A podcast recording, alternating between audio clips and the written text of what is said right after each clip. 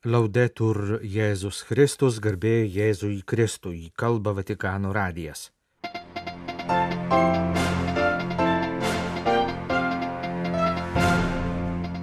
Popiežiaus bendroji audiencija katechezė apie uoliuosius Evangelijos kelbėjus. Dar vienas popiežiaus prašymas - melstis už Ukrainą, Palestiną ir Izraelį. Pranciškus priminė ketvirtadienį visoje bažnyčioje minimą Laterano bazilikos pašventinimo sukakties šventę. Romos kurijoje tarnavęs kardinolas bus skelbiamas palaimintoju. Europos bažnyčių vadovai paskelbė pareiškimą dėl padėties šventojoje žemėje. Religijų atsakomybė už gamtos apsaugą. Renginiai Vatikane ir Junktiniuose Arabų Emiratuose. Trečiadienio rytą per Šventojo Petro aikštėje vykusią kas savaitinę bendrąją audienciją Tęsdamas pastarųjų mėnesių katechezių ciklą apie uoliuosius Evangelijos liudytojus, popiežius Pranciškus pristatė 20-ame amžiuje Prancūzijoje gyvenusią garbingąją Dievo tarnaitę, kandidatę į palaimintasias ir šventasias Madeleine de Brel. Oggi presento la figura di una donna francese del Novecento, la venerabile serva di Dio Madeleine de Brel. Ji buvo poetė ir mystikė, taip pat socialinė darbuotoja, daugiau kaip 30 metų gyvenusi tarp darbininkų Paryžiaus priemiestyje.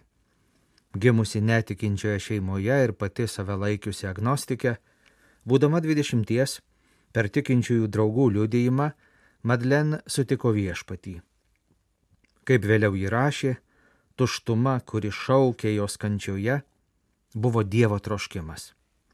Tikėjimo džiaugsmas paskatino ją brandžiai rinktis Dievui visiškai paukotą gyvenimą ir pagal evangelinio neturto dvasę dalytis paprastų žmonių gyvenimu. Matydama vargstančių žmonių kančią, ji jautėsi pašaukta būtent tarp jų ir kartu su jais išgyventi Jėzaus meilę. Ji rinkosi tarnauti vargstantiesiems, taip meilę atsidėkodama už Jėzaus meilę. Pranciškus sakė, kad pasirinkusi tokį gyvenimą, Madeleine Delbrel suprato ir savo pavyzdžių mus moko, kad evangelizuodami mes patys tampame evangelizuojamaisiais. Mūsų pačius perkeičia žodis, kurį skelbėme. Perfrazaudama garsiuosius Šventojo Pauliaus žodžius, vargas man, jei neskelbčiau Evangelijos, Madlen sakydavo, vargas man, jei evangelizavimas manęs pačios neevangelizuotų. Tai ji konkrečiai patyrė savo gyvenime, daug metų gyvenusi marksistinės ideologijos persmelktame darbininkų rajone. Jos pavyzdys moko, kad bendravimas su netikinčiaisiais skatina tikintį nuolat peržiūrėti savo tikėjimą. Credenti provocano il credente a una continua revisione del suo modo di credere. Sakė popiežius ir ragino visada atsiminti, kad Evangelijos skelbimo pašaukimo akivaizdoje neįmanomas neutralumas. Arba vykdome pašaukimą, arba traukiamės atgal.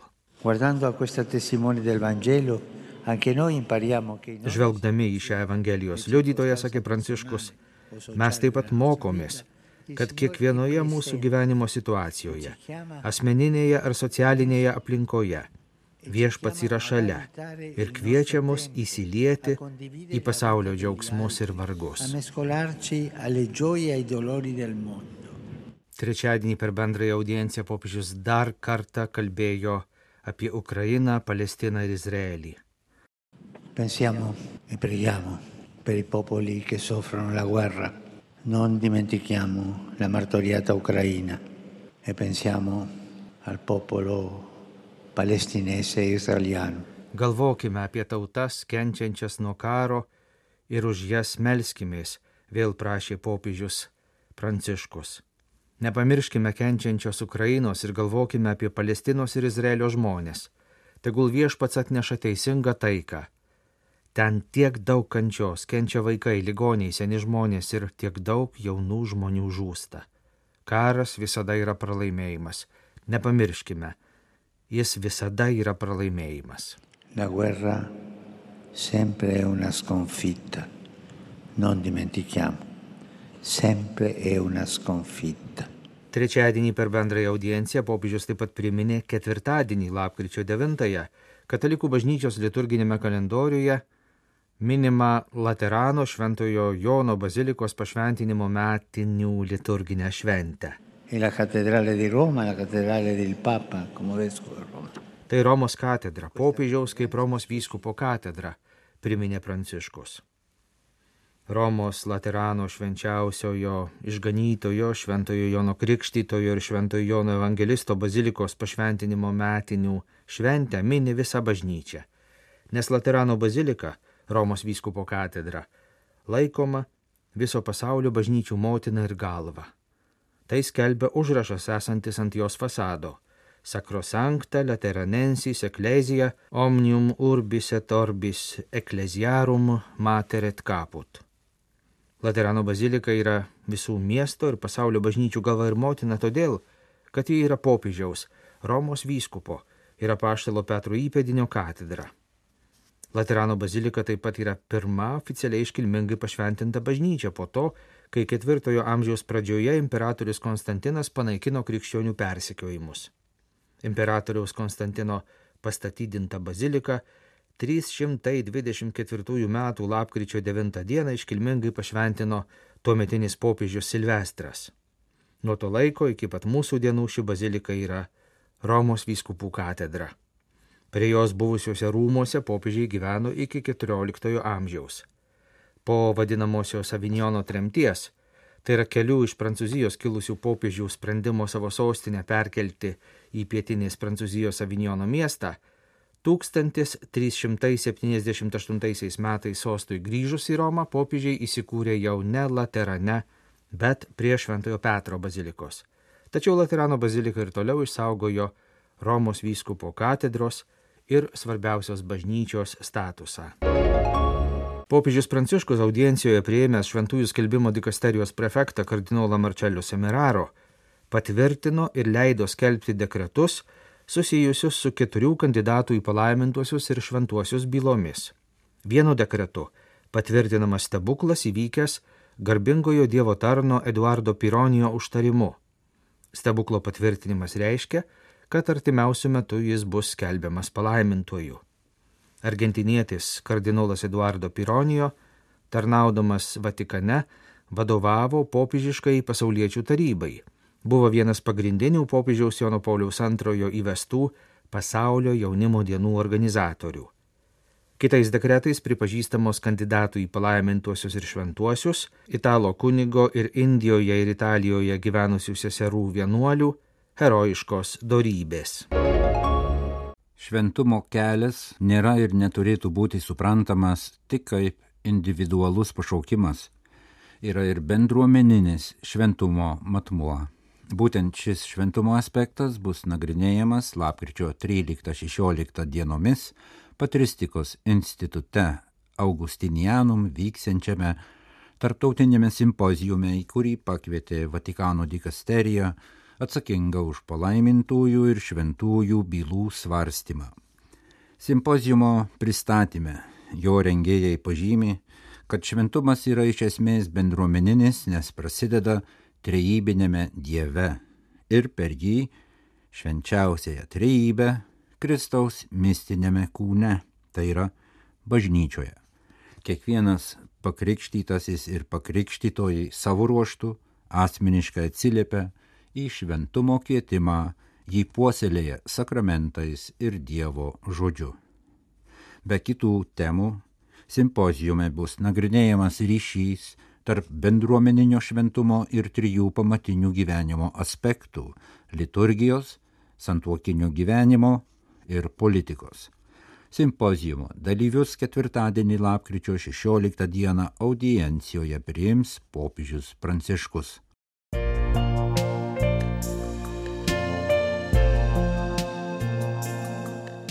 Jūs klausotės Vatikano radio. Tęsėme žinių laidą lietuvių kalba.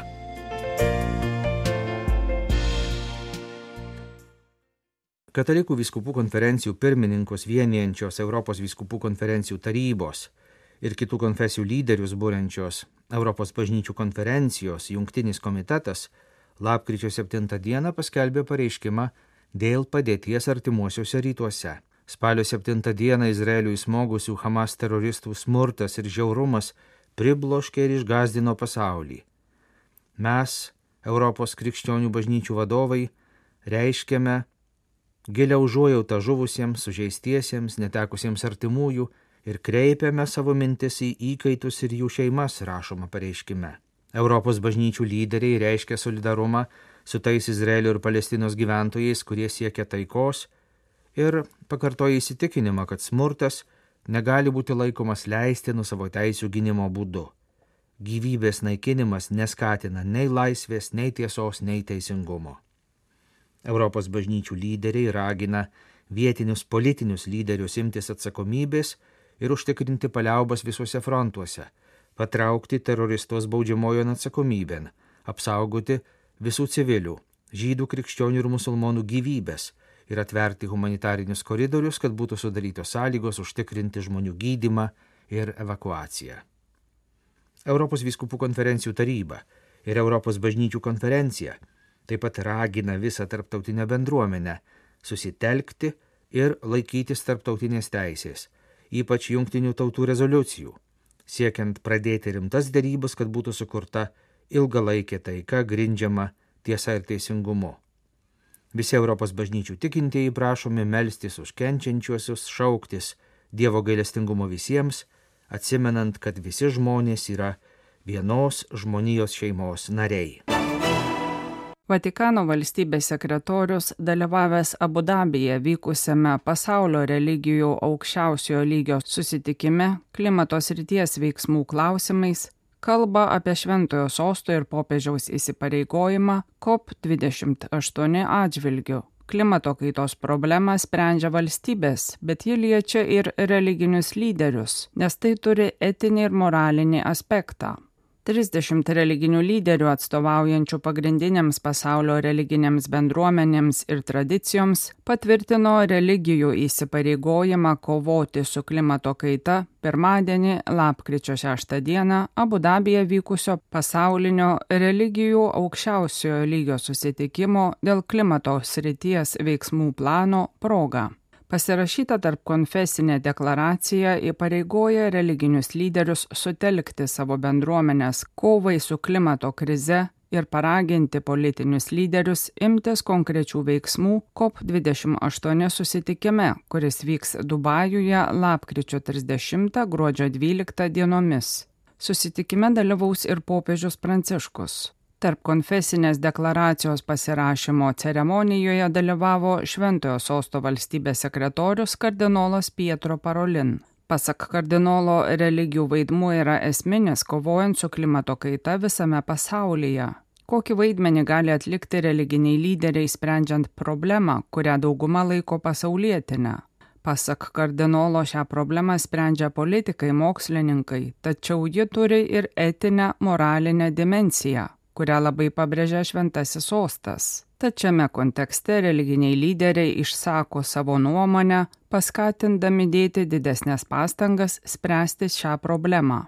Kalbant konkrečiai apie šventąjį sostą, jo vaidmuo tarp religijų unikalus, nes Vatikanas turi diplomatinės atstovybės visame pasaulyje. Koks popiežiaus ir šventojo sosto vaidmuo sprendžiant tokias problemas kaip klimato kaita? Popiežius skiria labai daug dėmesio klimato kaitos problemai, tą liudyja du jo dokumentai enciklika Laudato Si, kuri tapo atskaitos tašku daugeliui pasaulio lyderių COP susitikime Paryžiuje, kai jie pasirašė susitarimą dėl klimato kaitos pokyčių ir apaštališkasis paraginimas Laudate Deum, kuriuo siekiama pratesti Laudato Si. Šventasis sostas domisi visais problemos aspektais susijusiais su emisijų mažinimu, jūros lygio kilimo problema ir kitais, tačiau dėmesys visų pirma sutelktas į du konkrečius klausimus. Pirmasis yra gyvenimo būdas.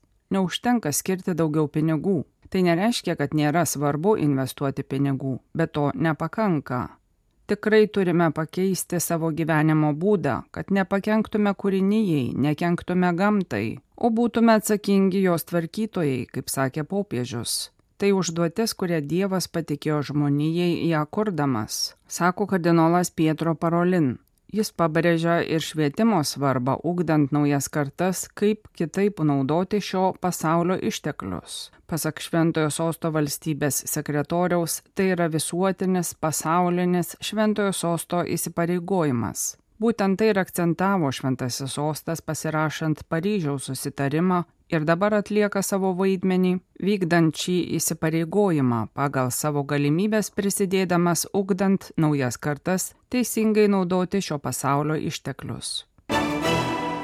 Apie 40 religijos, ekonomikos, komunikacijos ir politikos ryčių lyderių garsėjantis įsipareigojimu kurti ekonomiką, kuri rūpintųsi aplinką, skatintų taiką ir bendrai gėrį, susirinko į apskritojo stalo diskusiją, rūpinimasis mūsų bendrų namų kūrimu, komunikacija apie ekonomiką, kuris skatina tvarumą ir taiką. Lapkričio 7 dieną vykusi renginį organizavo Popiežiškoji mokslo akademija, kartu su komunikacijos ir tarnavimo integraliai žmogaus pažangai dikasterijomis. Konferencija pratęsė klimato krizės problemai skirtų renginių ciklą. Vatikano spaudos salėje sinodo metu eksponuota paroda Pokyčiai, pristačiusi visame pasaulyje žinomų fotografų darbus kartu su Šventojo Pranciškaus Asižiečio citatomis. Renginį atidarė komunikacijos dikasterijos prefektas Paulo Rufini, apibūdindamas apskritojo stalo diskusiją ir fotografijų parodą kaip raginimą vykdyti ekonominę veiklą, skatinančią tvarų vystimasi kurios centre žmogus ir kūrinijos apsauga. Mes turime sukurti geros ir tikros komunikacijos tinklą, dalymosi ekosistemą, kuri ateityje rūpintųsi etika ir iš naujo patvirtintų idėją, kad informacija, kaip ir švietimas, yra bendras gėris ir kad juos reikia kaip tokius ginti. Nuo to priklauso mūsų demokratijų ateitis, apibendrino prefektas. Jennifer Jordan Saifi, tvarios rinkos iniciatyvos vykdomoji direktorė, kalbėjo apie moralinę drąsą, kuri būtina tarptautinės krizės akistatoje šiandien, ypač artėjant COP28 susitikimui Dubajuje. Apskritojo stalo diskusijos metu aptartos temos - meno ir komunikacijos vaidmuo, didinant samoningumą ir veiksmingus pokyčius, polarizuojančios kalbos vengimo svarba, pasakojimas, kaip galinga meno forma perduoti žiniai, mokymasis iš kultūrinių pokyčių praeitie, duomenų svarba, kurie įrodo vyriausybių finansinius nuostolius dėl klimato kaitos pasiekmių, svarstyta padėtis daugybės pasaulio gyventojų, kurie rizikuoja viską prarasti dėl klimato kaitos sukeltų stichinių nelaimių. Renginių užbaigė sesuolė Sandra Smerili, tarnavimo integraliai žmogaus pažangai dikasterijos sekretorė, pabrėžusi bendradarbiavimo ir pastangų apvienijimo svarbą tarp valstybių ir organizacijų asmenų, kurie gali ką nors pakeisti COP28 susitikimo metu ir sprendžiant klimato kaitos problemas. Jei veiksime kartu, galbūt kažkas pasikeis, sakė sesuo Smerili.